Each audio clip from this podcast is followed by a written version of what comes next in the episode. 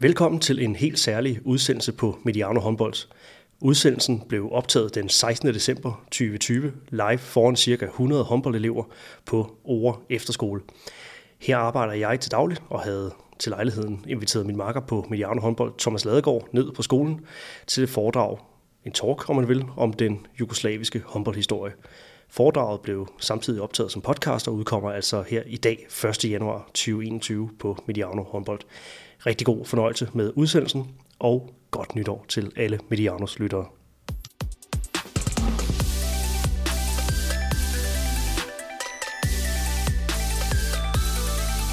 Denne udsendelse er produceret af Mediano Media og sponsoreret af Mediano Håndbolds hovedpartner, Sparkassen Kronjylland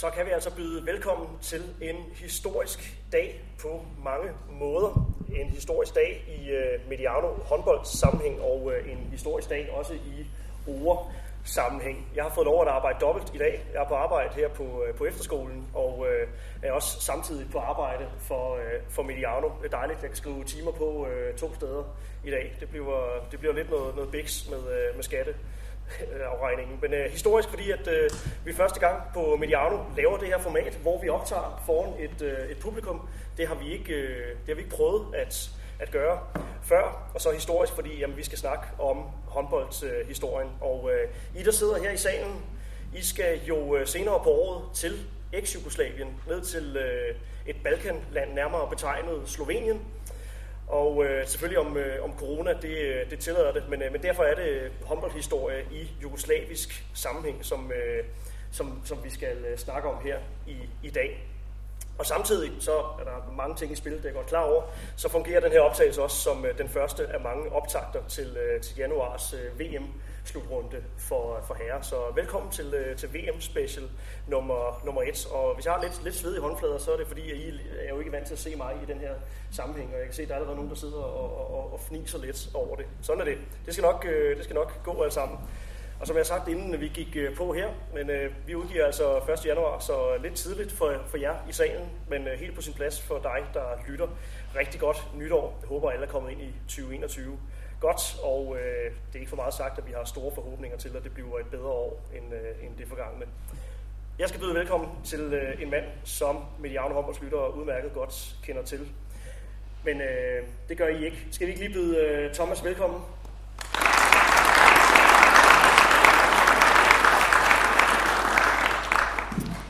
Kan sige til lytterne, vi sidder lige knap 100 i mit uh, headset, og formentlig også dig, der, der lytter. Det lyder som om, der sidder 5.000. Så, så stærkt. Jeg tror lige, jeg tager den uh, sådan her. Thomas Ladegaard, tak fordi at du kunne komme ned på ord. Tak fordi jeg måtte. Det, øh, jeg har glædet mig, kan jeg røbe. Og der kan jo være nye lyttere, potentielt nye lyttere også blandt dem, der, øh, der sidder her i salen. Det, det, det, det regner jeg faktisk øh, med. Øh, kan du ikke lige øh, fortælle de unge mennesker her, hvorfor... Øh, Hvorfor interesserer du dig for håndboldens historie, og hvordan, øh, hvordan opstod den interesse? Jo, det kan jeg godt. Altså, øh, jeg vil bare lige starte med at sige, at hvis vi ikke taler højt nok, så skal I bare række hånden i vejret, og om vi går godt igennem. Øhm, øh, men jeg har jo egentlig interesseret mig for håndbold hele mit liv, som mange af jer sikkert også har gjort. Øh, men også for håndboldens historie, det her med Jugoslavien og Balkan, som vi skal tale lidt om i dag, øh, er noget, som er kommet sådan helt naturligt, fordi det, det har jo været et af de steder, det skal jeg vise jer forhåbentlig, som øh, har sat et kæmpe præg på håndboldens øh, historie. Øh, jeg ved ikke, om der var nogen af jer, der så håndbold i går, men øh, jeg tog de her med. Øh, de kroatiske kvinder, øh, som jo som en kæmpe sensation jo spillede sig i en EM-semifinal. Øh, og øh, når jeg så, ser på dem og så på dem, øh, så løber der også en hel masse håndboldhistorie igennem igennem sådan, øh, bare sådan mine øjne og kigge på dem, fordi de repræsenterer jo, de her kvinder, synes jeg, alt det bedste fra Balkan. Altså det er nogen, der er gode med bolden, det er nogen, der er rigtig glade for at spille håndbold, og det er nogen, der også viser det. Det er nogen, der kommer med en enorm udstråling. Og noget, det er noget af det, som jeg synes kendetegner håndbolden for, for det område. Og det er noget af det, som jeg vil prøve at vise jer lidt baggrund for. Øhm, og nu spurgte du, hvor det kom fra. Jeg har, øh, jeg har igennem tiden jo faktisk skrevet to, øh, to bøger om, man kan sige, om håndbold, om håndboldens øh, historie.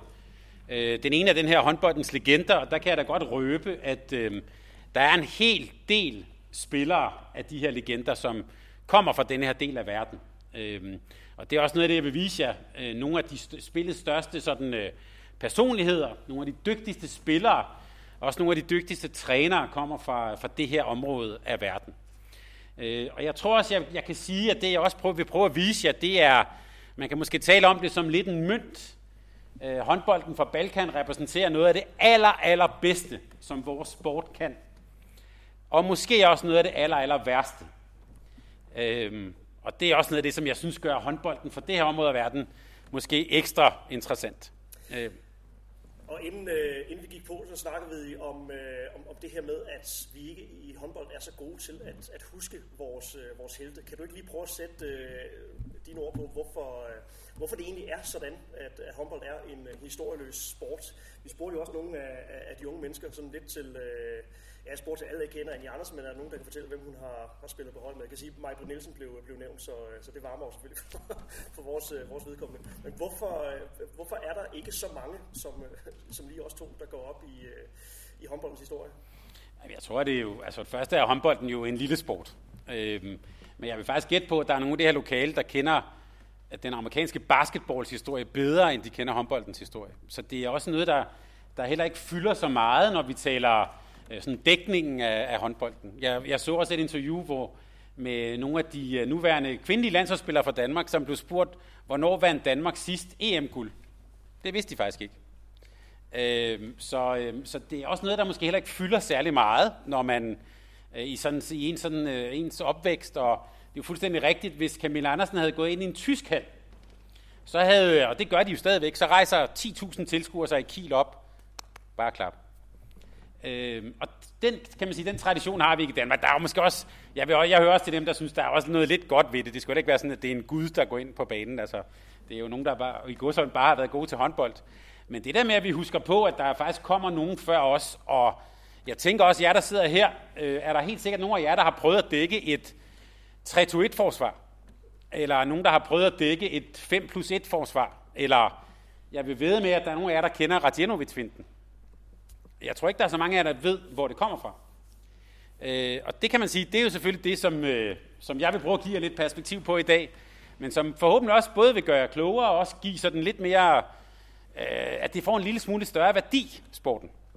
Så jeg synes jo, det skal fylde noget mere. Ja, øhm. og når vi snakker dækningen af, af sporten, så er det jo sådan en ting, som, øh, som for eksempel Tour de France, jer der, øh, der følger med i, i, i Tour de France, når det bliver sendt øh, om, om sommeren, at der, der sidder kommentatorerne og ramser en masse helte op, og, øh, og Eddie Merckx bliver nævnt øh, hver eneste år, men, men nu er der håndboldslutrunde, vi taler jo her i midt i december, og kvinderne har ja, i går er det jo øh, kvalificeret sig til, øh, til, til semifinalen. Der bliver jo ikke nævnt ret meget, øh, ret meget historie i løbet af sådan en dækning, og det er jo det, vi i hvert fald med det, vi laver, vi gerne vil, øh, vil gøre, gøre op med. Ja, præcis. præcis. Ja. Thomas, øh, håndbolden på, på Balkan, hvorfor er det, øh, at det er så, så interessant for dig? Ja, men øh, jeg har jo taget lidt med, og I, I kommer også til at se lidt visuelt her, bare så, så også der er noget at kigge på. Uh, her har I et eksempel på en af dem, som vi skal tale om, uh, Ivano Balic, som jo er ja, en af de største legender i håndbolden. Øh, men når jeg vi skal tale om, om, om håndbolden på Balkan og i det gamle Jugoslavien, så har jeg sådan taget, taget sådan fem ting med, som jeg håber at få vist jer, eller sådan fem påstande, som jeg gerne vil sådan øh, gå igennem i dag. Og den første er, at når vi taler håndbold på Balkan, så, kommer vi altså, så taler vi ofte om, jeg vil næsten sige, de vildeste attityder og også de største dramaer. Det er aldrig kedeligt at se på et hold på, fra, fra Balkan. Det er i hvert fald meget sjældent. Så vil jeg også sige, at når vi taler håndbold på Balkan, det er også der, vi har nogle af spillets aller, aller største individualister, nogle af de største personligheder, og også nogle af dem, der har været sjovest at kigge på. Jeg har taget et par stykker med herop. I kan se her, Dunjak vil mange af jer kende, Bojana Popovic, øh, øh, som jo nu er med på bænken for, øh, for Montenegro. Øh, jeg har også taget ham med til venstre. Ham skal jeg nok lige forklare, hvorfor hans øh, skjorte er reddet i stykker. Men det er for mig at se også en af håndboldens allerstørste spillere nogensinde, øh, Vujovic. Men det er nogle kæmpe personligheder. Så vil jeg sige, at på Balkan er det også nogle af de steder, hvor den største sådan innovation eller nyskabelse i spillet er kommet fra. Ham med, I kan se ham med kongekronen der, øh, nummer to for højre. Øh, Vlado Stensel skal jeg nok også komme ind på. For mig at se den største træner i håndboldhistorien, det største geni, som håndbolden har haft. En, som også turer og tænke helt nyt omkring vores, øh, vores spil. Så det vil jeg sige, det er det tredje punkt, jeg prøver at vise for jer. Øh, og det fjerde, som er måske noget, vi aldrig kan understrege nok, det er, at når vi taler Balkan, så taler vi næsten også ordet bold. Altså det her med, at vi leger med bolden. I, i, på Balkan er der, og det er jo ikke nogen store lande, skal jeg nok komme ind på, der er ikke så mange indbyggere, det er jo der, vi har nogle af, spil, af mange af boldspillende største spillere nogensinde. Det kan være basketball, det kan være vandpolo, er Kroatien super god til, fodboldspillere, tennisspillere og håndboldspillere, mange af dem kommer fra Balkan. Så det der med at tage en bold i hånden eller på fødderne og lege med dem, ligger helt naturligt her. Og hvis der er nogen af jer, der har været på ferie, sommerferie de steder, jeg har været i Kroatien et par gange, altså alle skoler, der er en basketkurv, der er en håndboldbane, det, jeg tror, det ligger helt naturligt i blodet på dem, det der med at lege med bolden. Og det sidste, så, så vil jeg, en ting, jeg synes, man kan tage med, når vi taler Balkan, det er, de har aldrig nogensinde kigget på, hvad andre har gjort. For dem har det altid været at kigge på, hvad er det, hvad er det som vi er gode til. Og så ligger der også lidt i den der attitude, som er på Balkan, det der med, så er de også øh, pisse ligeglade med, hvad andre siger. Altså, de gør det, som de er gode til. Og hvis de andre gør noget andet, så må lever vi bare med det. Og det er, kan man sige, også den der attitude, som også ligger i nogle af de lande. Øh, og jeg har taget sådan et lille billede med her, hende har I helt sikkert set øh, ved det her VM. Ikke? Jeg, jeg kendte hende ikke så godt inden. Camilla, er det Misevits, tror jeg, det, det lyder som. Ikke? Men det der med også at ture, når man er på tv, at stå og være lidt gal, lidt tosset, det hører bestemt også med. Der er faktisk et helt ord for det på, øh, på svensk, som jeg har taget med herop. I Sverige kalder man det simpelthen bare for jugestilen. Altså øh, den gamle jugoslaviske stil. Ikke? Jeg har taget et billede med herover til højre. Der ser I øh, Ivano Balic. Nu skal jeg jo ikke opfordre til rygning her på, øh, på, på en idrætshøjskole. Men det er jo jugestilen. Det billede er taget under en VM-slutrunde. Der sidder altså Kroatiens store stjerne, Ivano Balic, sammen med højrefløj øh, uh, Kupic. Uh, øh, og det, de sidder og træner, er jo, jeg ved ikke, hvad det er, men det er i hvert fald meget stærk kaffe og cigaretter. Og det er jo det, man kalder lidt den der, den der jugoslaviske øh, Balkan-attituden der rigtig meget. En meget stor spiller i 80'erne, som nu træner på Dravka, Sarasevic, han blev også engang fanget under en slutrunde, hvor han også sad på sådan en café her, sad og røg cigaretter, og så var det en journalister spurgte ham, skal du ikke ud og træne? Og så sad han sådan med cigaretten, så gjorde han bare sådan med sit håndled. Ja, det var han var venstrehåndet, venstrehåndet.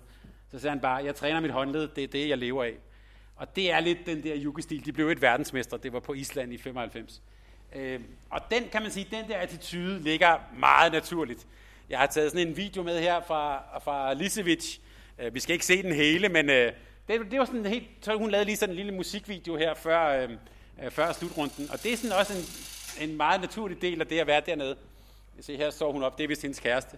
Øh, vi ser lige bare lige øh, øh, et par sekunder af den, men øh, bare lige for at sige, at det der med at gøre sådan nogle ting, det tror jeg ikke, vi vil se så mange danske eller andre gøre, men det gør hun altså.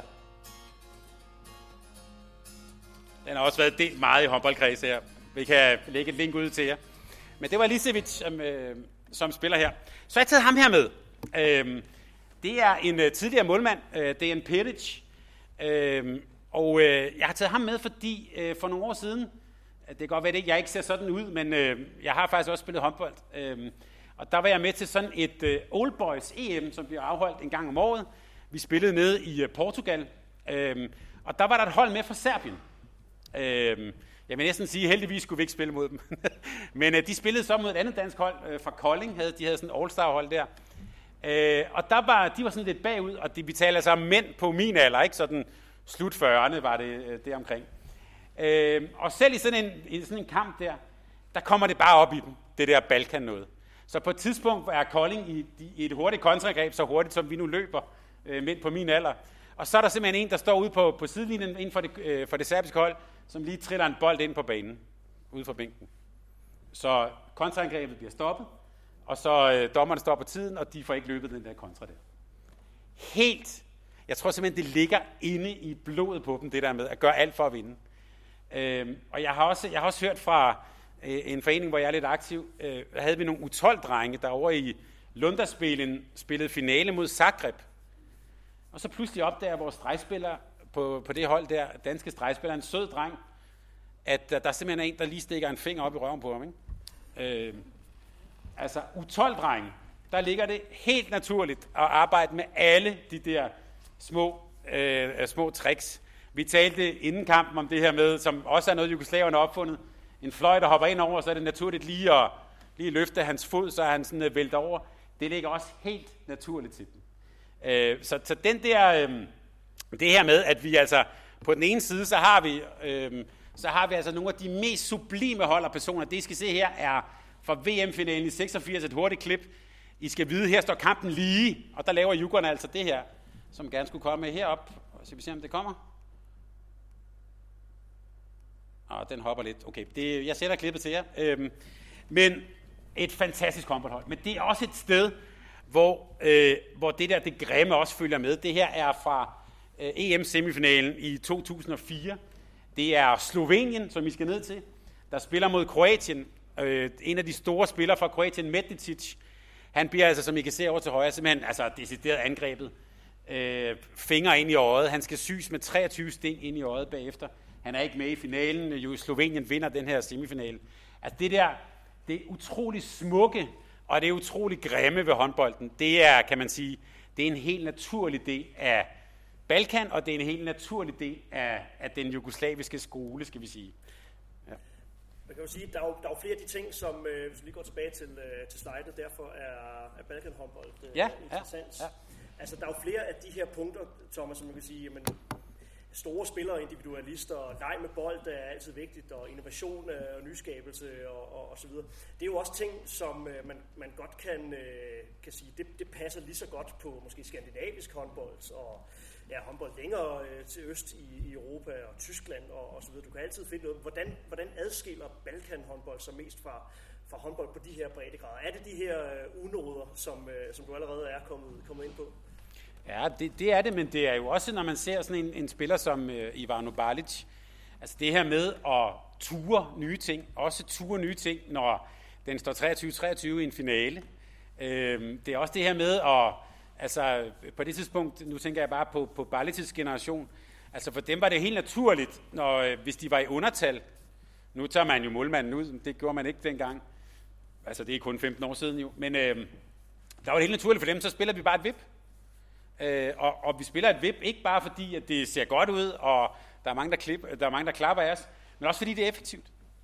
Altså, øh, og, men og, og også at søge de der løsninger, og ture at søge dem, det synes jeg er ret usædvanligt for dem faktisk. Altså at have det der mod, kan man sige. Jeg kan næsten sige, at vi på de her breddegrader kommer til at fremstå meget leverpostejs-agtige, øh, kedelige i, i, i den sammenhæng. Er det sådan, det forholder sig? Ja, det kunne man godt sige. Nu, nu tillader jeg mig lige at, at, at, at, gå lidt frem her, Johan, fordi ja. øh, nu har jeg taget det, det, det, det, det tidligere Jugoslaviens flag med her, og jeg har skrevet Jugostar op øverst. Det er der faktisk en sangtitel på en, en Love Shop-sang, der hedder.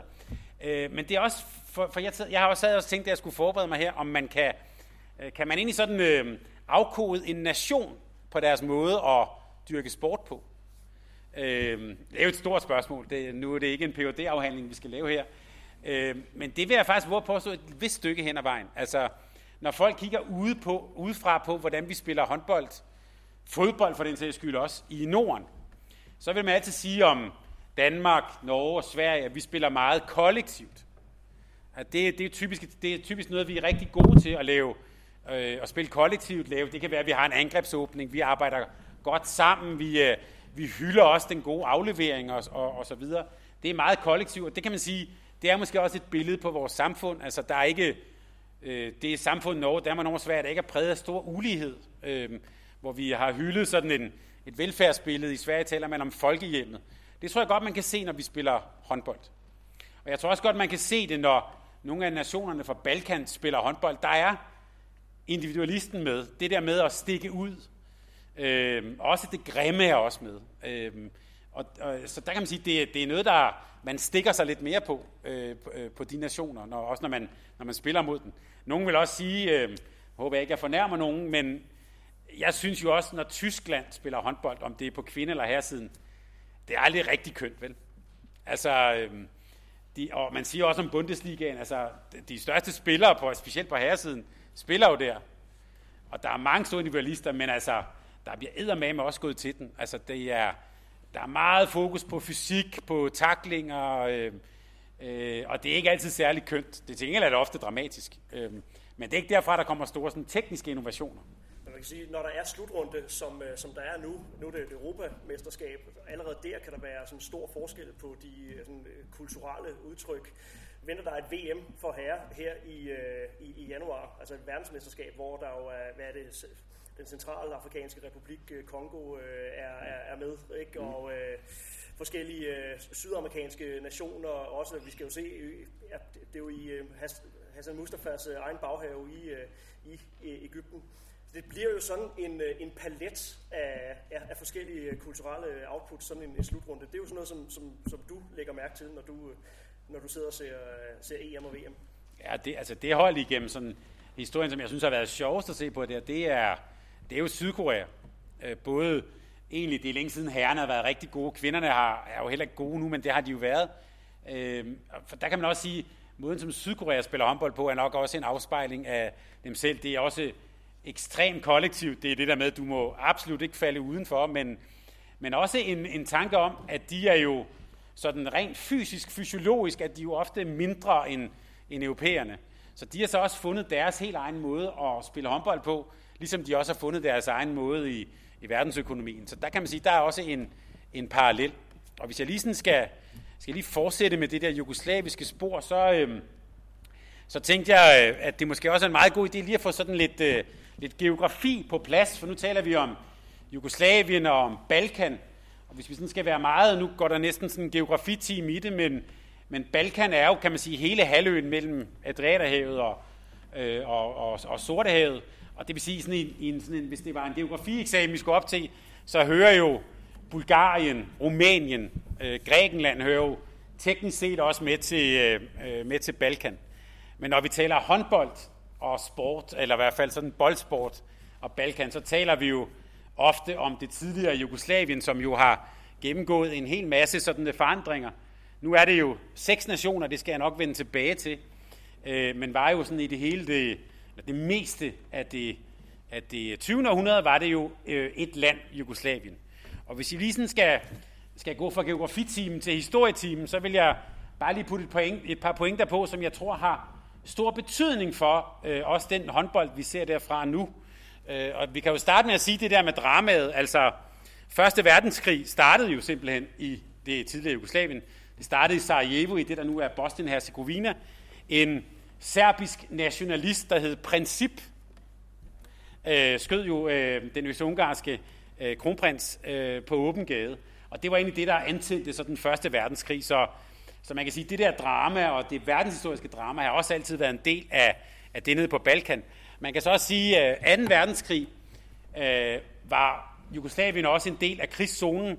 Øh, det I ser heroppe er noget, der jo har, kan man sige, har præget Jugoslavien lige siden, øh, præget de lande lige siden, præger stadigvæk de lande.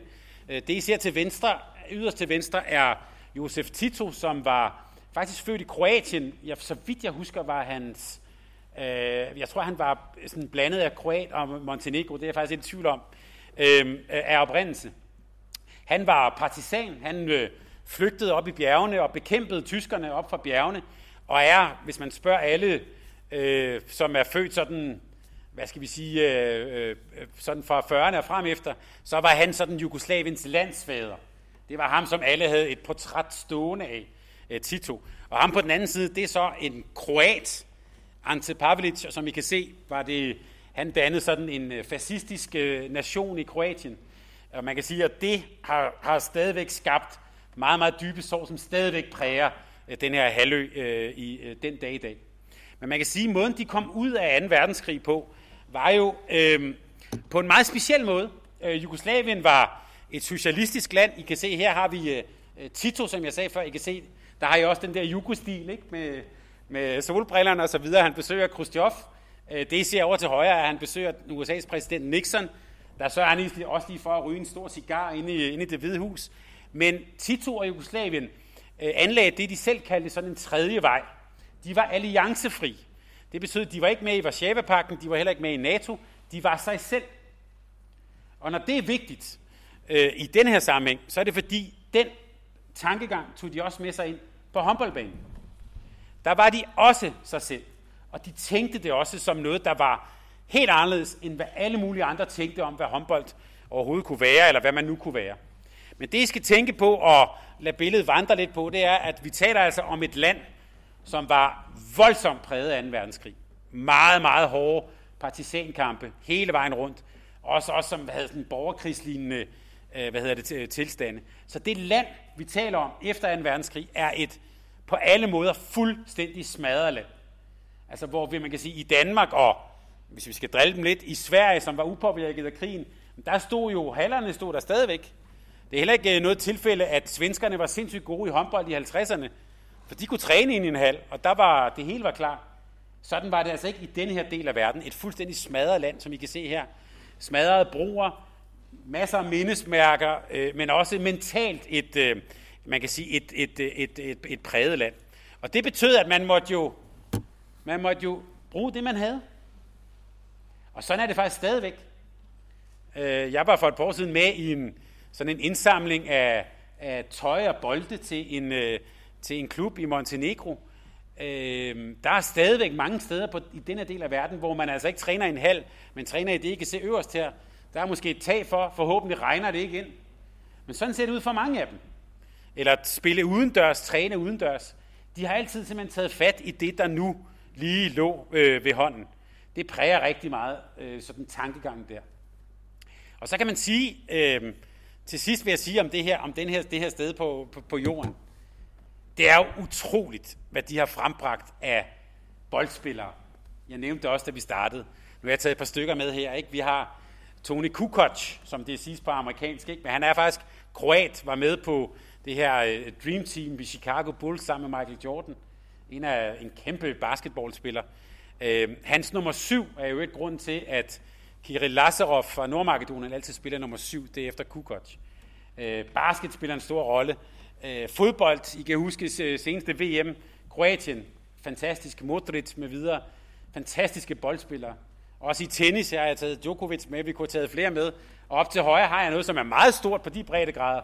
Vi kender det ikke så meget her, nemlig vandpolo, men når I ser Kroatien spille, der er altid masser af fans med de her vandpolo-hætter på. Og det ligger bare i dem. Og jeg, jeg prøvede lige at lave et, et forsøg på en lille research, der, før jeg tog over. Ikke? I kan se indbyggertallet her. Slovenien 2 millioner indbyggere. Øh, Kroatien 4,2. Serbien 7. Bosnien 3,5. Montenegro 600.000 indbyggere og inde i Nordmakedonien 2 millioner. Hvis, vi, hvis, vi, vi, de sidste mange slutrunder, måske i særlig udpræget grad på herresiden, har alle landene været med? Ja, det er jo helt utroligt. Og som jeg skal vende tilbage til, prøv at tænke, hvis det bare var et land, hvor gode de så ville være. Men, øhm, men det er altså et sted, hvor den her sådan bold, boldleg og det at være dygtig med bolden, det, det ligger bare så tæt på dem et af de spørgsmål, som, øh, som de unge mennesker har været så, så gode at, øh, at stille. Du snakker meget om krig, Thomas. Mm. Ikke? Øh, kan du prøve at give sådan dit bud på, hvordan al den her krig har, har påvirket, øh, mens du snakker om et sønderknust øh, land, hvordan påvirker det de her øh, Balkan sportsudøvere? Hvordan, hvordan påvirker det dem som, øh, som mennesker og som sportsudøvere? Ja, det er et sindssygt godt spørgsmål. Øh, altså jeg tror, jeg, jeg har jo ikke selv vokset op, men jeg tror, hvis man er vokset op på de breddegrader, så har alle en krigshistorie. Alle har en historie om Øh, forældre, brødre, søstre, øh, bedsteforældre, som er blevet forfulgt, som er døde. Så det ligger, tror jeg, meget tæt på dem. Øhm, man kan også sige, at den sådan, øhm, øh, de vil nok også mene om os heroppe, at vi har det meget let. Og jeg tror også, de ville, hvis vi fik en af dem med op til at kigge på jer, vil de også sige, at tror jeg, og nu skal jeg ikke lyde som en gammel mand, de vil også sige, hvor er vi forkælet herop. Så det der med at, man kan sige, at kæmpe for sit levebrød, og kæmpe for lige de der ekstra 5 cm på banen, det tror jeg er en helt naturlig del. Altså jeg har også hørt øh, tidligere ulandstræner Claus Hansen tale om, at når de spillede ulandshold, øh, UVM-kampe mod Kroatien, Serbien, Montenegro og sådan noget, der er han jo tit mødt op med et dansk hold, og sikkert har mange af spillerne gået her, som har været objektivt set dygtige håndboldspillere. Men han kunne se, når, det, når der var en eller anden øh, duel, så var der altså, det betød lige 5% mere for ham der fra Montenegro at komme igennem. Ikke? Det, var, det er lidt mere i krig for fædrelandet, når, når man går på banen. Ja, både for fædrelandet, og I kan også se, når, når I ser Montenegro og Serbien og sådan noget, det er jo altså, det er ørnen på brystet og sådan noget. Det betyder noget. Men ja, og jeg kan også sige, når de synger nationalsang og sådan noget, det betyder måske lidt mere. Plus, jeg også, jeg også tror, at det, øhm, altså, der er også det der med levebrødet, ikke? Altså, for mange er det også en vej ud af noget, eller en vej frem, eller en vej til at blive kendt og tjene penge og sådan noget. Øh, jeg lagde mærke til den kroatiske kvindelandstræner, han sagde, hos os, der er man enten geni, eller også er man en idiot. Altså, det, det, det, det er der også lidt. Så det der med at, det der med at vinde og, og stå sig frem i verden, tror jeg også er en del af det. Det er meget sådan i absolutter. Enten er det det grimme, eller det smukke, ja, eller så er ja. du et geni eller en idiot. Det er sådan, ja. det, vi er aldrig sådan midt på, på nogen skala, når vi er på de brede grader. Nej, og altså, øh, nu skal jeg med far for at lyde som Jørgen Let og sådan noget, men altså, man kan også sige, her er, vi, er sporten måske også tættere på livet. Altså, vi taler lidt mere liv, død, leg. Det er lidt mere alvorligt. Øh, og det, øh, det gør det måske også nogle gange lidt sjovere at kigge på. Ja, godt spørgsmål. Man kunne måske også, hvis jeg bare lige skal tage det videre, det er, jeg synes det ikke noget, vi har planlagt, men øh, det passer egentlig meget godt til det, jeg lige vil sige nu her.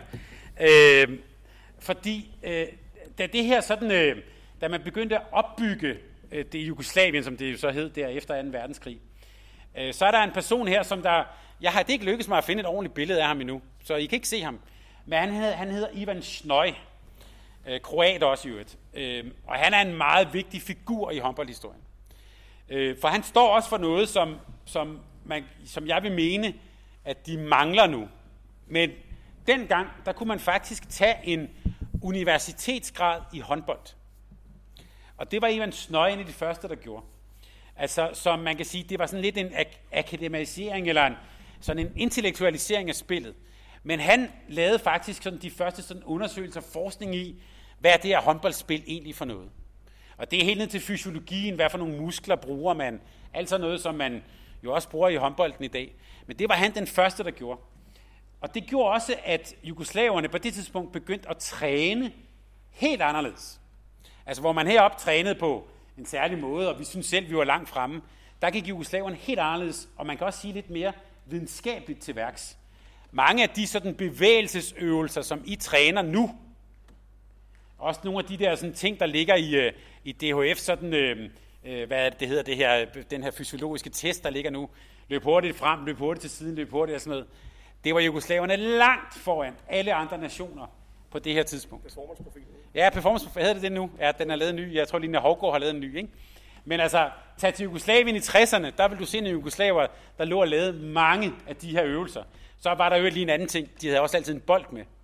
Altså, så når du så løb frem og tilbage og fra siden til siden, så havde du en bold med. Og Snøje, han satte det her i system. Han er, man kan sige, jugoslavisk håndbold, sådan en stor ideolog. Og han, han tog også udgangspunkt i, hvad er det egentlig, vi er, hvad er det egentlig, vi er gode til? Og det kan vi sige her, øh, øh, hvis vi lige skal sådan fortsætte i historien her. Det er et billede fra OL 1972. Første gang håndbold var på, øh, var på hvad hedder det, OL-programmet. Øh, øhm, og det jugoslaverne kom med her var, og det skal jeg vise jer om et øjeblik, en, simpelthen en revolution af håndboldspil. Øh, men de tog udgangspunkt i det, de var gode til. De var gode til det med bolden, de var gode til finter, de var gode til bevægelse. De var ikke lige så store som Rumænien eller Sovjet, russerne var. Men de kunne, de kunne nogle helt, helt andre ting. De var også sindssygt gode til at, altså, at tænke i sådan, det, man nu kalder vurderingsspil. Ikke? Hvor skal bolden hen? Meget, meget dygtige til det. Og det tog de udgangspunkt i. Dengang var der jo ikke så mange sådan slutrunder, som der er nu. Vi taler tit på Mediano håndbold om, der er alt for mange slutrunder i håndbold, men vi elsker det alligevel. Øh, men dengang var der jo kun et VM, og så var der et OL, det vil sige hver andet år. Der var ikke så meget video, der var ikke så meget streaming. Det betød også, og man kunne træne noget mere, det betød også, at jugoslaverne, de kunne faktisk gå og træne på noget, som de andre ikke havde set. De kunne faktisk gå og gemme på noget, som de andre ikke havde set. Nikolaj Jacobsen gjorde det lidt til VM i 2019. Det her med pludselig at, at køre det der Barca højre og have en højrehåndet ind, det var faktisk en, de gemte til nogle af kampene. Dengang kunne man faktisk gå og gemme noget i lang tid. Og det gjorde Jugoslavien. Og det jeg lige vil, vil, vil slå ned på her, er jo en yndlingsdato. Dem, der, hvis man har hørt mig før, også på Mediano håndbold, vil man vide, det er for mig at se den vigtigste dato i håndboldens historie, den her. Nemlig den 8. september 1972. Vi er i Olympiahalle i München. Den står der endnu. Der blev faktisk spillet VM dernede i, øh, i 2019. Øh, men der møder Jugoslavien som faktisk aldrig har vundet noget på herresiden, de møder Rumænien, som er den helt store nation på det her tidspunkt. Store, stærke, formentlig også svært dopede rumænske mænd øh, møder de. Øh, og der kan man sige, der bliver håndbolden forandret for altid. Øh, og det, I skal se, det der, det der sker her, som jeg prøver lige at kunne vise jer her, det er, at øh, håndbolden møder for første gang ham, der er over til højre, som jeg vil mene er håndboldens største geni. I kan næsten se det på ham, han ligner også en gal, gal videnskabsmand. Han hedder Vlado Stensel. Han, har, øh, han, er, han er gammel målmand. Han har én landskamp selv. Han har stået på mål, men blevet meget tidligt træner. Han har stået i lære hos Ivan Snøj her.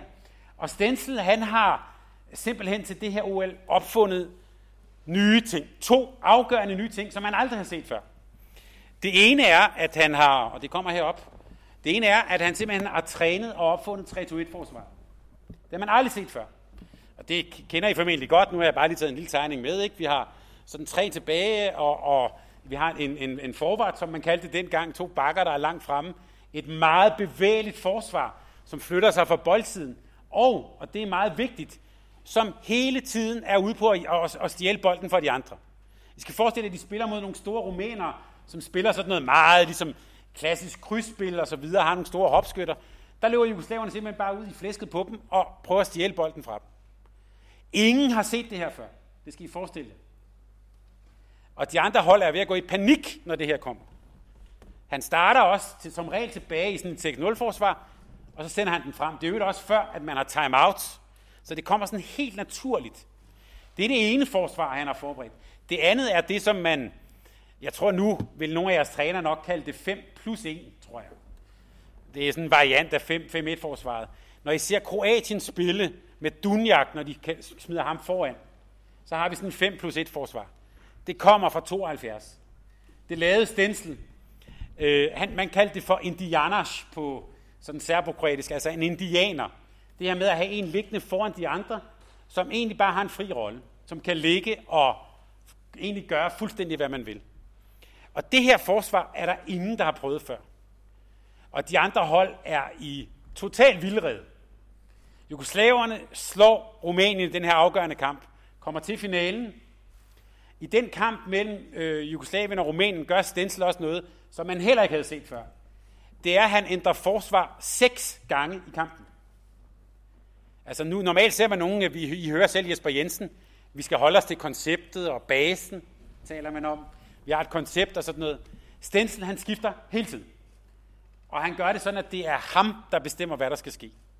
Til sidst gør han det, der går han tilbage i noget 6-0, holder den, og så til sidst smider han det her 3-2-1-forsvar frem, vinder den sidste periode med 4-1 og sender Rumænien ud.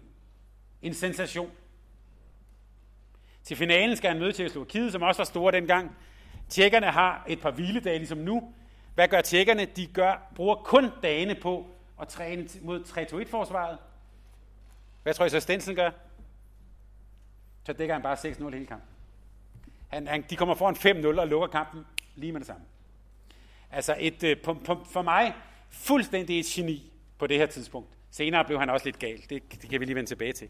Men det som, det, som jeg vil tage med her, og som er vigtigt her for at forstå jugoslaverne, det er det her med et, at jagte bolden. Det her med, at vi vil have bolden. Det er ikke de andre, der skal, der skal bestemme, hvad vi skal lave. Vi skal ud og have fat på bolden. Det er også det her med, at vi skal irritere og stresse de andre. Altså der har du måske det der krigsbillede, ikke? Vi skal ud og have fat i dem. Og til sidst er der også, tror jeg, det der med, som ligger i Tito, og det der med at være et andet sted end stormagterne, det her med, at vi skal også ud og drille de andre. Vi er dem, der tør at drille de andre. Og der er ikke noget bedre end at slå Sovjetunionen, Rusland eller Rumænien, de her betonkommunister. Det, at vi kan slå dem, drille dem, er det måske det bedste, de kunne forestille sig.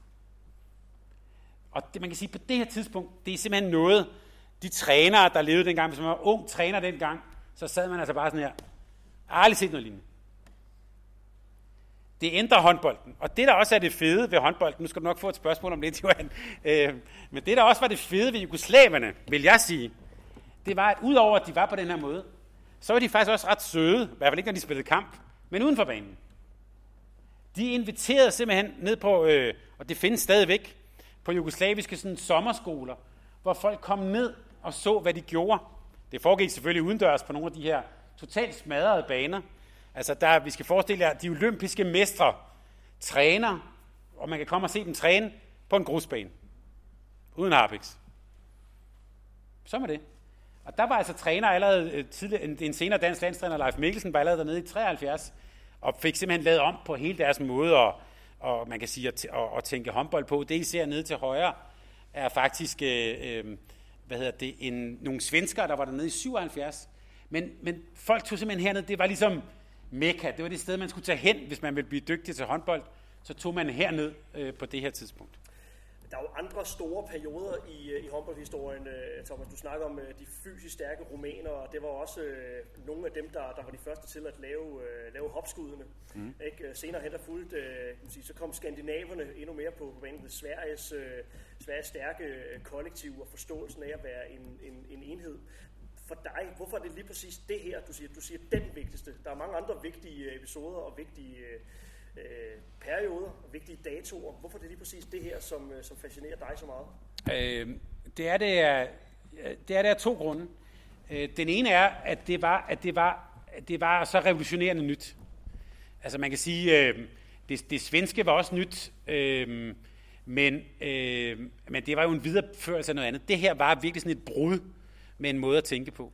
Og hvad var, øh. kan du fortælle, hvad var billedet af, af, sådan, af, af verdenshåndbolden op til, øh, op til 72 her, øh, fordi det, det var jo virkelig som et, et slag med en knytnæve, at der var nogen, der fandt på at, at dække, dække øh, håndbold på en, på en anden måde. Ja, men I skal forestille jer, at det er jo midt under den kolde krig. OL er et, sådan et, det er jo også et område for, øh, for krig. Altså de, ø, de østeuropæiske lande, Varsjava-pakten, øh, selvfølgelig Sovjetunionen primært, fordi det at håndbold er blevet en OL-disciplin, så pumper man både penge og ressourcer osv. ind i at vinde medaljer til, til de kommunistiske lande på det her tidspunkt. Og de spillede også sådan. Altså, når man så DDR, Sovjetunionen, Rumænien, der var mange dygtige spillere, men det var også noget, det var maskinelt. Ja, maskinelt. Ja. Og det var, øh, det ved man jo nu, det var også med doping øh, og så videre. Øh, når man ser øh, DDR, det ligger på YouTube, når man ser DDR's herre vinde OL-guld i 1980, altså der skal I se nogle, det er, det, er, det er sådan nogle svømmer hele banden, ikke? Altså, øh, så, så det var også, altså, der er heller ikke noget bedre end at slå sådan nogen. Øhm, så, så det var også, jeg tror, jeg tror for vores breddegrad var det jo også, altså jugoslaverne var også nogen, man elskede, fordi de var anderledes. Øhm, og så vil jeg sige den anden grund til, at jeg synes, det her det er vigtigt, det øh, har jeg faktisk med her. Øh, og det er, at det, er, øh, det var sådan et nybrud, som har varet ja, helt op til nu. Altså det er noget, der virkelig har haft sådan en langtidseffekt. Øh, og jeg kan prøve sådan lige at tegne et par den hurtige linjer, men, men det I ser øh, her er... Øh, to spillere, som faktisk var med som spillere på det her øh, jugoslaviske hold nede i hjørnet, har i øh, øh Sodan Sivkovic, som, øh, som stod på mål for, øh, for Jugoslavien i 72. Han blev senere øh, jugoslavisk landstræner og vandt øh, blandt andet øh, VM-guld i 86, øh, men har også været, nu vi taler VM i, øh, i Ægypten, har også været landstræner for Ægypten. Og, og, øh, og det gælder faktisk for en del af de her jugoslaviske trænere. De har også taget ud i i verden uden for Europa og prægede dem. Man kan sige, hvis man var en nordafrikansk nation, Algeriet, Ægypten, Tunesien. Øh, det sjove var, at de hentede jo faktisk jugoslaver ind, fordi de tænkte, vi kan ikke slå de her europæere på det, de kan, så vi skal prøve noget andet. Så når man så Ægypten spille i, øh, i 2001, eller Tunesien i 2005, jamen hvordan tror I, de dækkede op? De dækkede ikke op, som man gjorde i Europa. Tunesien var altså måske noget af det mest brutale 3-3-forsvar, vi nogensinde har set, ikke? på hjemmebane, fik lov til det af dommerne. Men det der med at, at tage initiativ, det kommer fra den her jugoslaviske skole, så det har haft en lang, lang effekt. Og det har det stadigvæk, når vi ser Kroatien spille. Da jeg så Kroatien spille her ved EM i, øh, i januar, altså jeg, jeg siger ikke, jeg fik tårer i øjnene, men når man ser Dunjak ligge derude, der er ingen i verden, der kan gøre det, han kan. Og det er, der er en lige tråd til, til Stensler 72. Fantastisk øh, EM-finale med to hold, der starter i et, et offensivt øh, forsvar. Ja. Øhm, jeg tror, mange herinde vil tænke på, øh, når man snakker håndbold på Balkan, du er også inde på det, altså det, det er fysik, og det, det er hårdhed i, øh, i øh, duellerne. Øh, det er at gå i krig for fædrelandet. Det er mange ting. Men, men for dig, der er det faktisk det er jo glæden ved spillet, det er fornyelsen, og det, det er det teknisk-taktiske, der, der i virkeligheden fylder. At, at det er faktisk en lidt en overset del af, af, af Balkan-håndbolden, som du ser det. Ja, helt klart. Det er det, der, det, er det, der er fantastisk ved. Altså, som jeg skal vise jer lige om lidt, så kan man sige, at det er lidt ligesom i I ved, sådan de der tegneserier, der sidder en engel og en djævel på, på, på, på begge skuldre, ikke? Det, begge dele følger med. Øh, krigen følger med, og skønheden følger med. Øh, så det, det, det synes jeg ligger i det begge to. Begge dele. Jeg vil faktisk også lige sige en ting, øh, og, og nu foregriber jeg lidt, men jeg så jo et af spørgsmålene, Johan. Øh, så så det, det vælger jeg nu at tage. For der var en, der, var en, der spurgte, øh, kunne jeg se, hvordan, øh, hvordan jeg troede sådan, at håndbolden ville udvikle sig videre. Du kan man sige, nu er vi i gang med noget historie. Øh, og, og når vi nu taler om både det skønne og det grimme, det, det, det tror jeg selvfølgelig, vi bliver ved med at være på Balkan.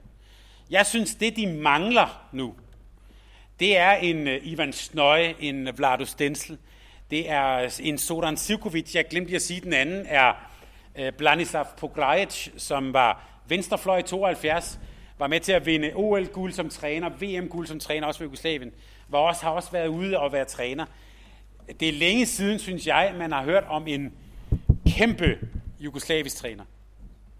Altså, øh, de har bare ellers alle steder. Nu er det jo spanske trænere, der er alle steder. Øh, jeg, jeg synes, det er længe siden, vi har hørt om det der. Altså, og en Ivan Snøje, eller på Grejets var jo, altså, han var endnu mere crazy, især som træner op i højre hjørne. Han skrev også doktorafhandling på universitetet om håndbold, hvor han var en helt nede i sådan enkelte finders anatomi og undersøge, hvilke muskler man aktiverer, når man laver et fodskift og sådan noget. Det der med at tænke håndbold på den måde, det savner man. Altså når man ser Zagreb nu for herrerne i Champions League, hvad har de haft? Jeg kan ikke huske det, men det er sådan noget 13 trænere på fem sæsoner eller sådan noget. Altså det er, det, det er der, hvor Balkan bliver sådan et galehus. Øhm. Det, det afspejler sig vel også i, i nogle af de uh, trænervalg, som, uh, som nogle af de nationer foretager sig. Ikke? Sige, altså, nogle ja. af de store Balkantrænere, der er i dag, mm. det er jo Lino Tjerva og det er Vujovic. Altså det er jo dem, der er i den, den crazy ende af spektret. Det, ja. er, det er at gå i, uh, gå i krig Vlado Stensel, var han ikke, øh, havde han ikke også øh, fyr og flamme øh, for sit fædreland? Jo oh, jo, han, var, han, var, han havde også et kæmpe temperament, selvfølgelig. Men, men det der med at have det der, altså, jeg savner lidt køligheden. Altså man kan også bare sige, på det, på det serbiske herrelandshold, de har jo haft faktisk nogle ret gode spillere. Øh, og så har de haft nogle kæmpe tosser som spasser som, som træner. Altså, altså de var som spillere, var de gode. Øh, Svetkovic, øh, en af mine helt store helte fra VM i 86, fantastisk håndboldspiller. Men da han var landstræner, der, der måtte de jo væk ham, fordi han, han, han havde drukket for meget øh, snaps om natten, og øh, de har haft Vukovic, de har haft Vujovic. Øh, der er ikke noget af det, der fungerer. Øh, jeg kan også bare se Zagreb nu, der er de så generation senere, så har man haft, øh, øh Vujovic har været der selvfølgelig, øh, og så har de haft, øh, øh, øh, nu, nu har de så Sola, øh, øh, øh, så tager vi, hvem, hvem har spillet på landsholdet, virker det lidt som, om så skal de være trænere. Og det savner jeg lidt. Øh, så jeg tror, hvis vi ser frem, de vil stadig have de dygtige boldspillere, de vil stadig kunne alt det der med krigen. Øh, men jeg savner de der kølige hoveder. Nu undskyld, hvis jeg så øh, foregriber øh, noget af det, som du skal øh, komme ind på, men kan man ikke godt tale om, øh, om en, en Kiel-legende? Nu ved jeg, at der er en her i salen, der, der, der er ret stor. Kiel, der er to faktisk. Ja. Øh, så hvis du skal øh, sætte et ord på, på ham, Noka Serdar han, ja. han hører vel ind under, under den, den, den kategori. Godt eksempel. Måske, måske kunne man være hård at sige, at han er den sidste store af de der øh, jugoslaviske trænere. Måske. Øh, ja, han bliver bare kaldt Noka, det er nemmere. Øh, men øh, øh, altså en... Øh, tror jeg, sådan som jeg får ham beskrevet, jeg kender ham jo ikke personligt, men øh, tror jeg på mange måder, øh, også meget Balkan, altså ekstremt dygtig på detaljen, ekstremt taktisk dygtig. Altså det er hele den der idé for Stensel, sådan var det også, når man så ham spille, med at lave spillet om, øh, tage initiativ. Men selvfølgelig også, det er jo hele det der kultur, der til syden er ikke Kiel, den der meget, øh, meget hårde træningsmoral, ikke? De træner mere end de andre. Meget hård også. Øh, også meget store spillere i dag i hvert fald. Ja, ja, ja, men, men også, og så kan man sige, det han jo også havde, var den der benhårde disciplin, som også måske er en del af det her. Det var også krig, når han var ude at spille, ude at spille kamp. Øhm. Ja. Og måske, nu, nu kan det godt være, nu, øh, nu, nu går jeg ud af en tangent, så kan I skyde mig ned. Måske nåede han også inden af det, han kunne med Paris, hvor han måske møder en generation af nye spillere, altså Mikkel Hansen, Karabatic og så videre, hvor den der, sådan, kan vi sige, lidt gammeldags disciplin måske nåede til enden. Det var outdated her. Ja, og der, der savner vi måske, at der kommer nye kræfter, som, øh, som måske kan tage den der fakkel lidt videre. Men du skal måske lige forklare for de, øh, for de unge mennesker, øh, Rusic, han er jo har haft en, øh, en kæmpe indflydelse på en af, af de danske trænere, som jeg forestiller mig, at, at der er mange herinde, der ser, ser rigtig meget op til. Ja, altså, øh, at der kom en ung mand fra, fra det her område af Danmark, jo Nikolaj Jacobsen, til Kiel. Øh, og, og hvis der er nogen, der har set ham spille, eller øh, han fortæller i hvert fald selv, jeg tror ikke, jeg fornærmer ham selv ved, ved at sige det, jeg siger nu, men øh, jo også lidt en gadedreng, et legebarn, en, øh, en, øh, vel, en person, der grundlæggende ikke var voksen, da han kom til Kiel, men som jo havde et potentiale i sig til at blive verdens bedste venstrefløj. Øh, og det, som jeg tror, som Nuka gav ham, i øvrigt sammen med de svenskere, der var der, det var, gav ham den der disciplin, men også den der seriøsitet, det der med at tage sit, øh, med at tage, i virkeligheden, hvis vi skal være lidt højdragende, hans skæbne på sig. Du kan blive verdens bedste venstrefløj, men det kan du kun, hvis du tager dit øh, arbejde og tager din håndbold alvorligt. Og der kan man måske sige, der kom den der, øh, lidt den der velfærdsdansker, mødte måske en, en mand fra Balkan. Det, kan være, det kunne godt være et billede på det. Øh, så lærte han øvrigt også, ved jeg, han har sagt også, den der selvbiografi, der er skrevet om, og han har også selv fortalt, så mødte han jo også nogle svenskere, som, som bare, altså der er den der historie med, med Løvgren, hvor, hvor, øh, hvor Løvgren bare lader være at spille ham. Og så siger han til sidst, spiller mig nu for fanden, ikke? Så siger han bare, når du begynder at tale pænt til mig, så spiller jeg dig. Øhm, og det kan man sige, det var så, så vi har altså blandingen af, af Balkan og Sverige, det der med, at vi skal opføre os pænt over for hinanden, det, det lærte han også der. Du må gerne spørge ind, Ulrik, hvis, du, hvis jeg kan se, der er en eller anden, der brænder.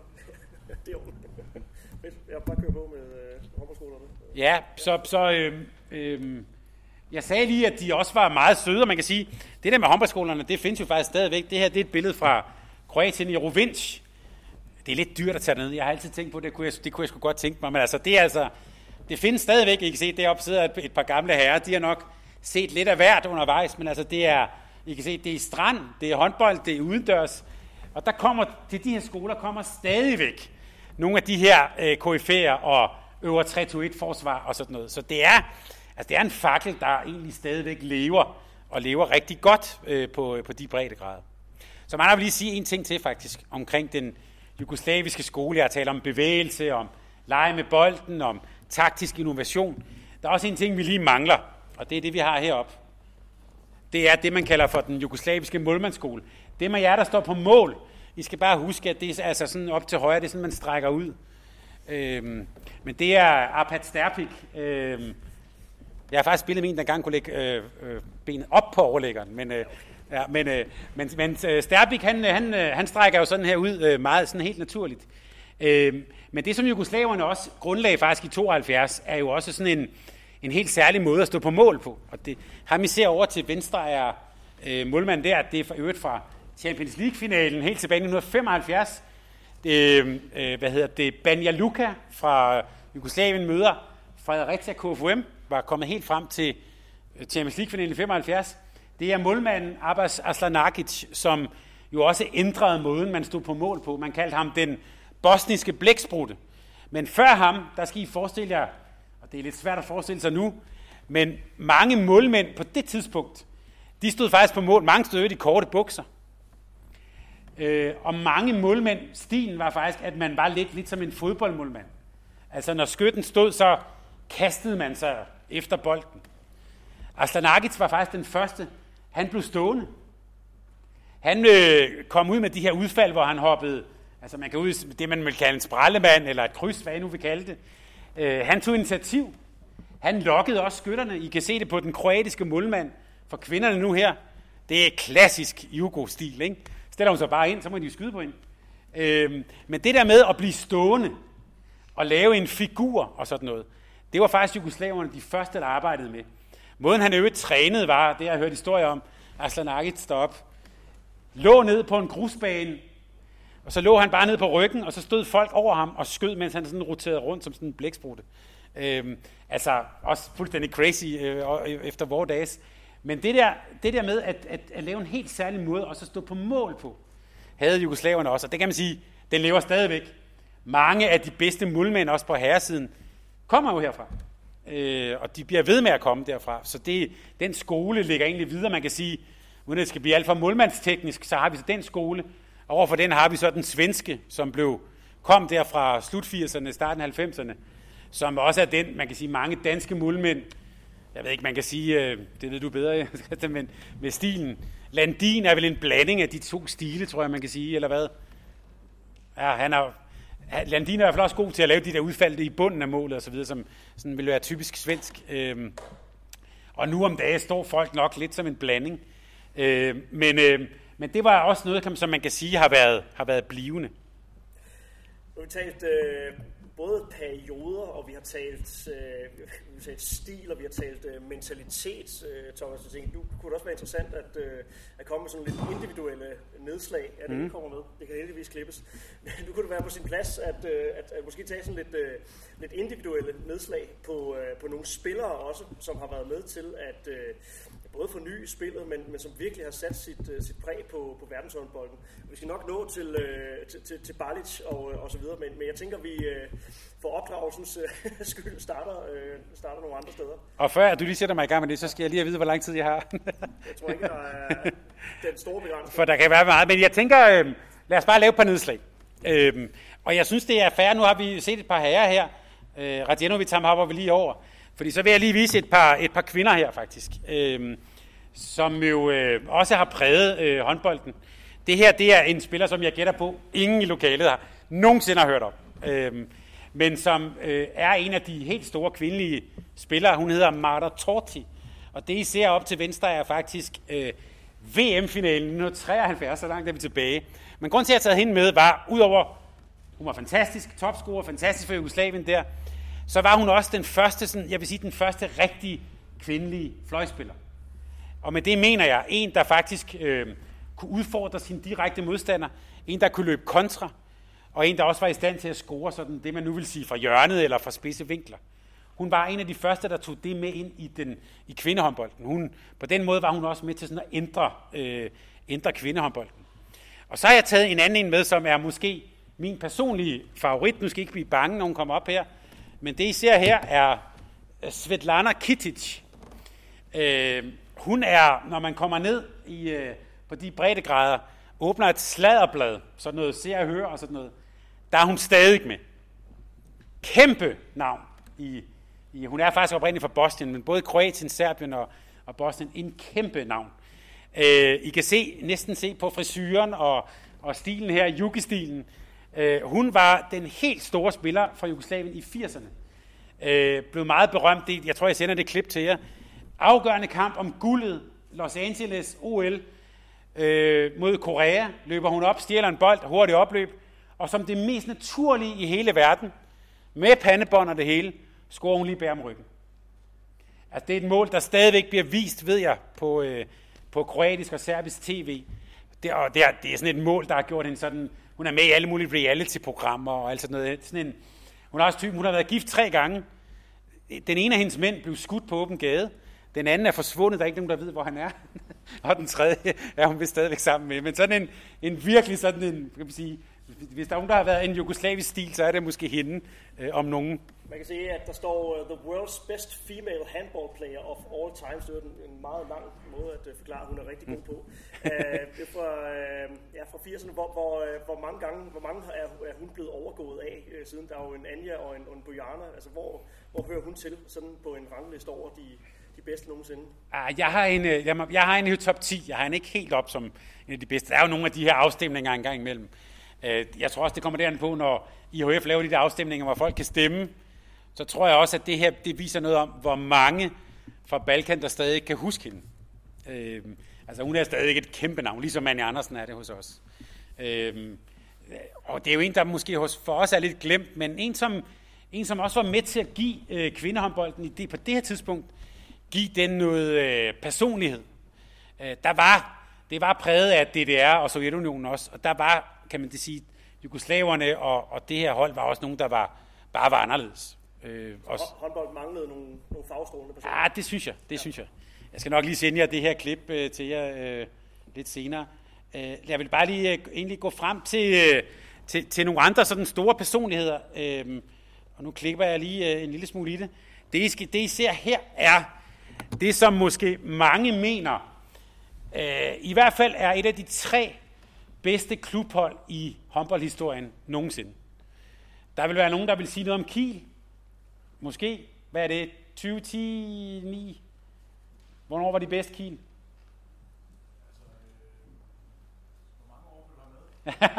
Ej, du skal bare sige, hvor de var bedst.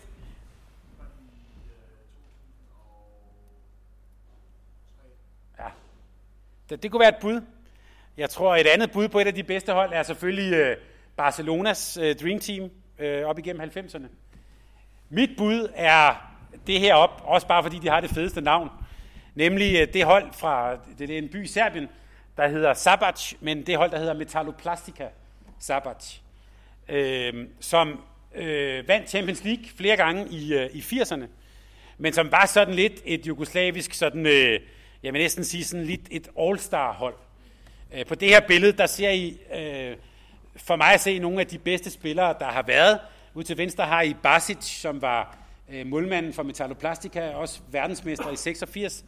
Der er ved siden af ham er der Svetkovic, øh, højre bak. Øh, så med det store skæg er der Portner. Og så over til, til højre i billedet har I øh, to af de spillere, som jeg også i min bog holder meget højt. Nemlig, nemlig den formentlig bedste venstrefløj i, i historien, øh, Mile Isakovic, øh, som sammen med russeren Kasakevich var de første, der begyndte at lægge og lave skruebolde. Øh, han kunne lave dem både for lavt leje, og for han lå også at lave dem for højt leje. Når I ser Uwe Gensheimer eller andre spille nu, så kan jeg love jer for, at han har set på øh, Isakovic og måden, han, han lå, og, øh, lå og spillede på. Øh, en helt fantastisk venstrefløj. Men det han kunne, som jeg synes måske, vi savner lidt, det var, at han var også rigtig dygtig til at sætte sin direkte modstander. Altså han var en af den, den type fløjspillere, som kunne faktisk sætte et helt forsvar fra venstrefløj. Det gjorde faktisk, ved jeg, at når Danmark spillede mod dem dengang, så prøvede de faktisk at gå nærmest helt op til midterlinjen, bare for at tage ham helt væk. For hvis først han fik lov at ligge og lave sine fodskifter, så var forsvaret som regel rent på røven. Og så er der endelig ude til højre, lige om bagved, øh, en af mine favoritter, men også en af de, øh, man kan sige, de største engle og største skurke, måske kan man sige, nemlig Veselin Vujovic, som jo stadigvæk er træner. Jeg ser ham, nu er Diego Maradona i fodbolden jo lige død. Jeg ser Vujovic som håndbolden, som vores svar på Maradona. På den ene side, det skønne, det helt utrolige, øh, den helt, altså, øh, måden han spillede på, øh, så dygtig han var, så effektiv han var, i øvrigt også i 86, ligesom Maradona. På den anden side, alt det grimme, alt det værste ved håndbolden. Øh, udtalt sig racistisk, og altså han, han har hele bakken. Øh, men som Maradona også en, som i sidste ende, man, ja, det, jeg har svært ved at have ham, man kan ikke andet end elske ham, men... Fik lidt ondt af, måske. Ja, og også har fået lidt ondt af. Altså en person, som øh, med, har alt det bedste i sig, og alt det værste. Og jeg tænker lige, at, og jeg kan også se en videoklip til jer her, øhm, kan vi lige gå videre. Øhm, øh, det I ser her, jeg skal lige prøve at se, om den kører herop. Øhm, jeg har lige taget et billede med. Det her, det er altså den afgørende kamp om mesterskabet i 1983. Det er, øh, vi er i Beograd. Det er Røde Stjerne mod Metalloplastica. Og I kan se her, altså, der, der bliver, der bliver knaldet til den. Øhm, skal vi lige se, nu håber jeg lige den. Ja. I kan se, der mangler cirka 30 sekunder. Ja, jeg går lige over og spoler lidt, Johan. Vi skal lige se det grimme til sidst. Det, der sker her, er, at Metal Plastica altså vinder og bliver mestre. Og så løber Vujovic som det helt naturligt selvfølgelig lige over og viser alle de andre, hvem der har vundet. Ikke? Øhm, og det ender så i et kæmpe slagsmål. Øhm, med politi og det hele. Med politi og det hele. Øh, og her er vi så i, øh, her er vi så i, øh, i 1983, nu skal vi lige øh, simpelthen, jeg kan klikke den videre her, den skal lige stå og tænke lidt. Øh, kan jeg se, jeg gør lige sådan her. Øh, det, det klip, jeg viste jer her, er fra 1983. Og der kan man sige, der er, øh, der er Jugoslavien jo, øh, der er en masse spændinger i de her republikker i Jugoslavien. Øh, det, jeg har taget med her, er sådan et billede fra det, man kalder slaget om, om solsortesletten. Men øh, på det her tidspunkt er der jo en helt masse øh, interne spændinger i, øh, i Jugoslavien. Øh, og det viser sig altså også på håndboldbanen mellem de forskellige etniciteter, de forskellige øh, republikker. Det er slagsmål, I så fra 1983, vil jeg sige, det var i den pæne ende. Det blev opløst og, og sådan noget. Øh, det, I skal se her, er ikke i den pæne ende. Fordi i øh, 1988 øh, er der så en afgørende kamp om det jugoslaviske mesterskab. Igen er det Metalloplastica, og de er altså fra Serbien, som spiller mod øh, Pellister, som er i Nordmakedonien. Øh, det, der hedder Nordmakedonien nu. Og på det her tidspunkt er der altså gået fem år. Spændingerne er blevet meget, meget grimmere. Jeg skal lige vise jer om et øjeblik nogle af de ledere, men der er altså Tito døde i 1980. Det er øh, den serbiske nationalist Slobodan Milosevic, som er blevet leder på det her tidspunkt. Og der er, altså kan man sige, der er borgerkrigen jo meget, meget tæt på. Og det kan man altså også se på håndboldbanen. Nu skal jeg lige sørge for at, at lige ramme det rigtigt her. Øhm, det skal bemærke her er, altså, der har øh, Bujovic lige scoret til 26-26. Metalloplastica bliver, øh, bliver mestre.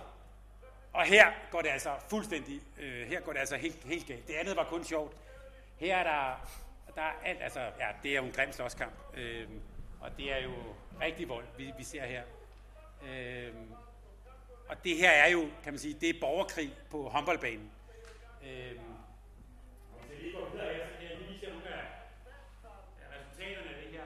Øh, Herovre til højre ser I, øh, ser I Vujovic. Det er faktisk Vujovic og Isakovic efter, efter den her kamp. Øh, Vujovic, han får øh, 8 måneders karantæne efter det her. Det er faktisk ham, der starter det hele. Han løber over til dommerbordet og, øh, og sådan noget. Altså, det er jo, og forskellen på de fem år, det er, at det, nu er det en krudtøn. Altså, nu er det, nu er det ikke bare et håndboldhold, nu er det serber, der laver et eller andet. Øh, og det gør jo, altså, altså, ja, det går helt galt. Han får 8 måneders karantæne. Lykkeligvis for ham kommer han så til, og, øh, kommer han så til Barcelona, kan fortsætte der sammen, sammen med, med Portner der. Øh, han fortsætter faktisk på banen helt frem til 1996, hvor øh, Jugoslavien, eller det som så blev sådan et serbisk hold, øh, kalder ham ind. Der kan han stadigvæk være med til at dække op og så videre. Øh, men, men her kan man sige, der det her, det, det her det for, for alvor kammer over. Det gør det jo også i Jugoslavien. Øh, altså, og, og øh, man kan sige, efter borgerkrigen, så bliver Jugoslavien jo til, til, øh, øh, til de her seks forskellige nationer. Inden vi går til, øh, til noget, der knytter sig til, øh, til det kort, du har, du har sat op her, øh, Thomas. Øh, altså, prøv lige igen at fortælle, hvor, hvorfor er det, at, at den grimme side af håndbolden, det også øh, kan fascinere så meget? Altså, jeg tror også, at måske især, når du ser, der sad nogle drenge og tænkte, okay, altså, det, det, det er ikke lige, øh, ja, nu hedder det Phoenix Arena, det er, det er ikke lige Gudmehallen øh, på, en, øh, på en søndag eftermiddag, det der, øh, en, en, hvis en kamp endte uafgjort eller, eller noget. Hvorfor, hvorfor, øh, hvorfor fascinerer det? Øh, altså, vold burde jo ikke være en del af, af sporten, men, men det fascinerer alligevel. Ja, ja altså, altså jeg synes, øh, det sidste klip her, det, det, det er det, det grimme klip. Altså det er her, hvor, øh, det er her, hvor, øh, altså, hvor det er borgerkrig på håndboldbanen. Øh, vi så det også, altså, og det var jo endnu værre på fodbold. Nogle af de, altså, nogle af de værste øh, krigsforbrydere i krigen i Bosnien var jo faktisk øh, hooligans fra Røde Stjerne i Beograd og så videre. Altså, så, så der kan man sige, altså på den måde er sporten er også tæt knyttet til, øh, til, til kan man sige, det grimme i samfundet. Øh, Øh, altså her, man, man kan selvfølgelig også bare sige, det viser også, at når vi spiller håndbold, det er ikke en leg. Øh, og når de repræsenterer Jugoslavien, eller repræsenterer i det her tilfælde øh, Metalloplastica, så, så er det også noget mere. Jeg kan faktisk huske, øh, som lille dreng, jeg er vokset op i Helsingør, så skulle jeg ud og se øh, øh, håndboldlandskamp, Danmark mod Jugoslavien. Og jeg havde hørt, at de der jugoslaver, de er skide gode, og der var jo et Radjenovic var på, en ung Vujovic var på. Jeg har programmet nu, så derfor jeg ved det. øhm, og så øh, på det, der, der boede jo mange fra det tidligere Jugoslavien i Danmark. Det, det, det anede jeg jo ikke. Men lige pludselig i den der halv, så stod der altså bare nogen, der at de råbte altså rigtig højt, Jugoslavia, altså havde flag med og sådan noget. Det var, at det var noget, vi aldrig havde set i sådan, altså, den der middelklasse opvækst, jeg havde, at det var, at de, de, og de var måske, nu siger jeg noget, de var 100, de fyldte hele handen øh, over det hele, ikke? Ja. Du har jo øh, du har smidt et flot øh, Europakort herop øh, på, øh, ja. på skærmen. Og øh, du har jo skrevet på dit, øh, dit slide, prøv at tænke det her som et håndboldland. Øh, inden vi lige går til, øh, til denne opgave, som eleverne har, har, har fået. Øh, ja, en, en skræmmende tanke, Thomas, øh, med de gode håndboldspillere, som, øh, som, som de her lande har, har fostret, hvis man samlede dem til, øh, til én trup, måske på, øh, ja, på 16 mand, og de skulle, øh, skulle spille en, en slutrunde. ville de, kunne, ville de kunne vinde et VM? Ja, det er jo, ja, det er jo det, jeg ikke kan lade være at sidde og tænke på. Jeg er jo øh, så vild med det der, for eksempel det jugoslaviske herrehold fra 86 og sådan noget.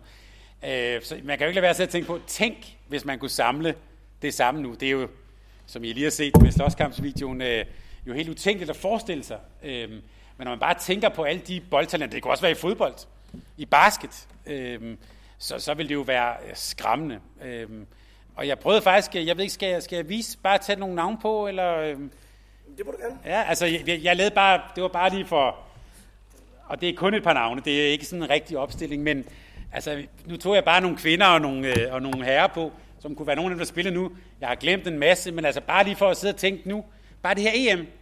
Altså der kan du så have en bagkæde med Anna Kroos, øh, Andrea Likic og Javkovic, bare for at sige nogen. Øhm, du vil have op i Slovenien, har du øh, på, på, på Florian Blas Jans, øh, Anna Kroos øhm, på, på kvindesiden.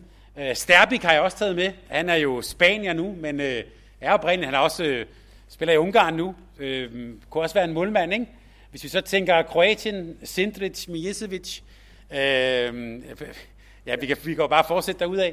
Øh, Serbien, ikke? Der er Nenadic, øh, øh, Andrea Lekic. Hvis vi tager det lille land, Montenegro, 600.000 indbyggere, altså jeg ville da gerne have Radicevic øh, på mit, øh, på mit jugoslaviske hold, eller Bodosan, som flikker også mange af jer vil kende, er også derfra, ikke?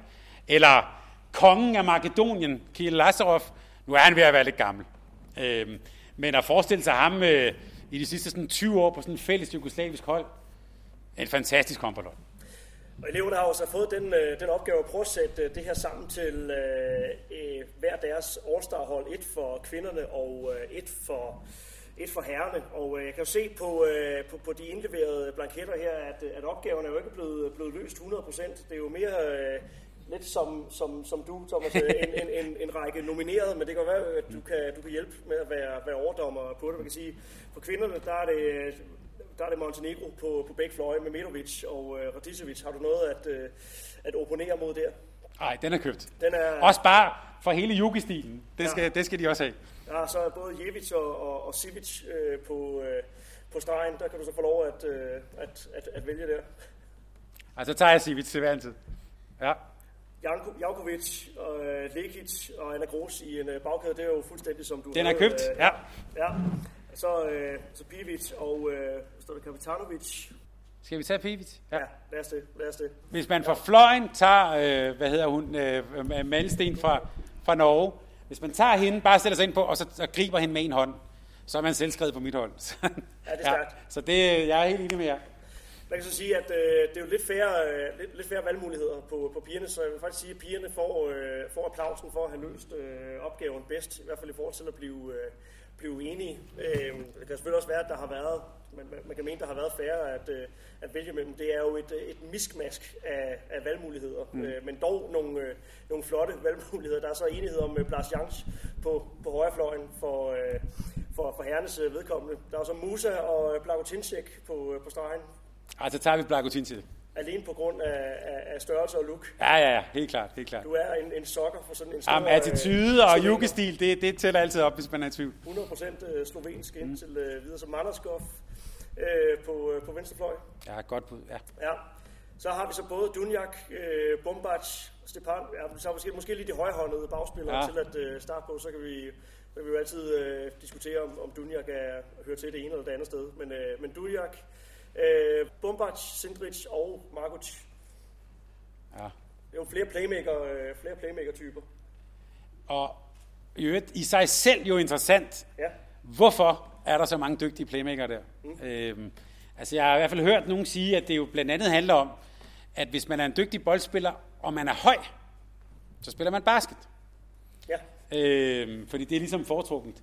Øh, det gælder også for Ivano Balic, som jo også vil gerne vil spille basket. Det kunne han, det fik han ikke lov, eller han, var, han blev valgt fra, simpelthen selekteret fra, så giver han sig over til håndbolden. Så jeg tror, mange af de der dygtige boldspillere, hvad jeg har der, hvis jeg skal vælge en af dem, så tager jeg faktisk Bombardi.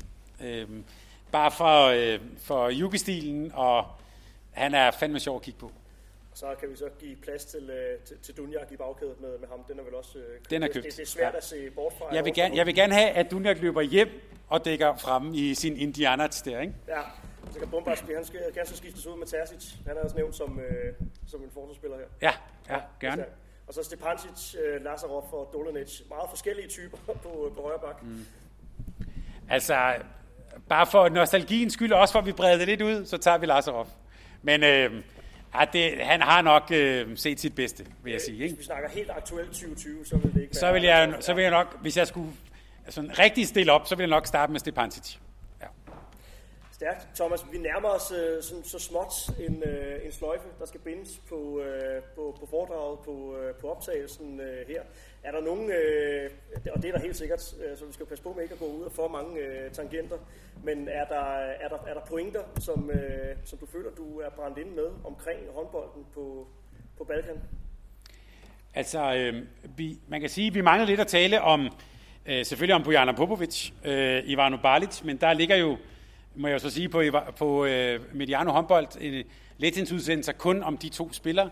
Du har faktisk mødt Bojana Popovic, og Øh, når nu vi siger, at uh, hvem der er nogle af de største, jeg synes jo, hun er øh, den største kvindelige spiller fra, fra Balkan der. Øh, jeg har Vujovic som måske sammen med Barlit som de bedste mandlige spillere fra de breddegrader. Øh, men jeg vil sige til sidst, øh, måske bare lige gentage noget af det, jeg startede med, Altså, grund til, at jeg synes, det er sjovt at se på dem her, og det er det også ved det her kvindelige EM, øh, det bliver det også til VM. Det er jo Øh, de fem ting, vi startede med, og hvis jeg nu lige øh, skal læse dem op for mig selv her, så jeg lige husker det, så er det selvfølgelig for det første det her med attituden, vi kan også kalde det med det svenske, øh, jugestilen, øh, det synes jeg i sig selv er interessant. Så er det selvfølgelig det her med, at de har fostret de her store spillere og individualister, der kommer med et særligt udtryk. Øh, det er også for innovationen, nyskabelsen. Man kan selvfølgelig sige, at 1972 er længe siden, men det er en fakkel, der brænder rigtig længe. Jeg synes, når jeg har set kroaterne på herresiden, når de har været bedst, jeg tror også, at jeg godt tør komme med den forudsigelse, at når vi ser kroaterne på kvindesiden spille semifinal i morgen, øh, jeg synes også, jeg har set noget, jeg ved ikke, om det er nyt, men det er i hvert fald modigt at tør at spille med otte forskellige bagspillere i en øh, slutrundekamp.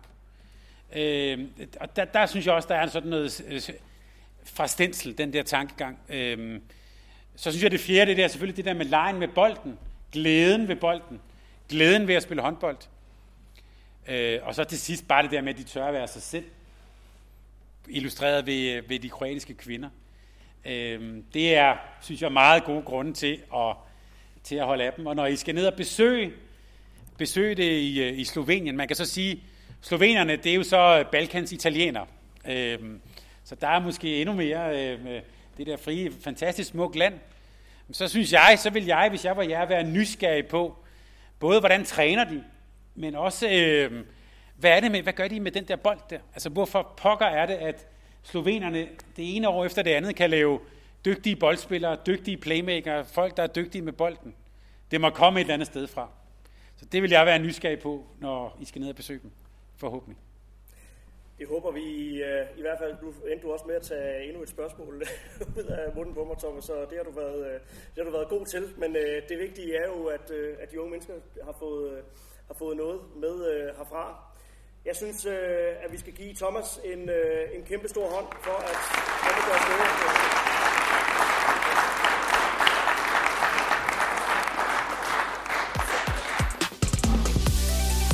Tak fordi du lyttede til en podcast af Mediano Håndbold. Hvis du kunne lide udsendelsen, så husk at abonnere på Mediano Håndbold, der hvor du hører podcasts. Så får du den seneste udsendelse serveret direkte til dig. Du må gerne fortælle dine venner om os, og husk at følge os på Facebook, Twitter og Instagram. Mediano Håndbold kan lade sig gøre, takket være Sparkassen Kronjylland. Vi har gået hånd i hånd siden foråret 2018, og de er med os hele 2020.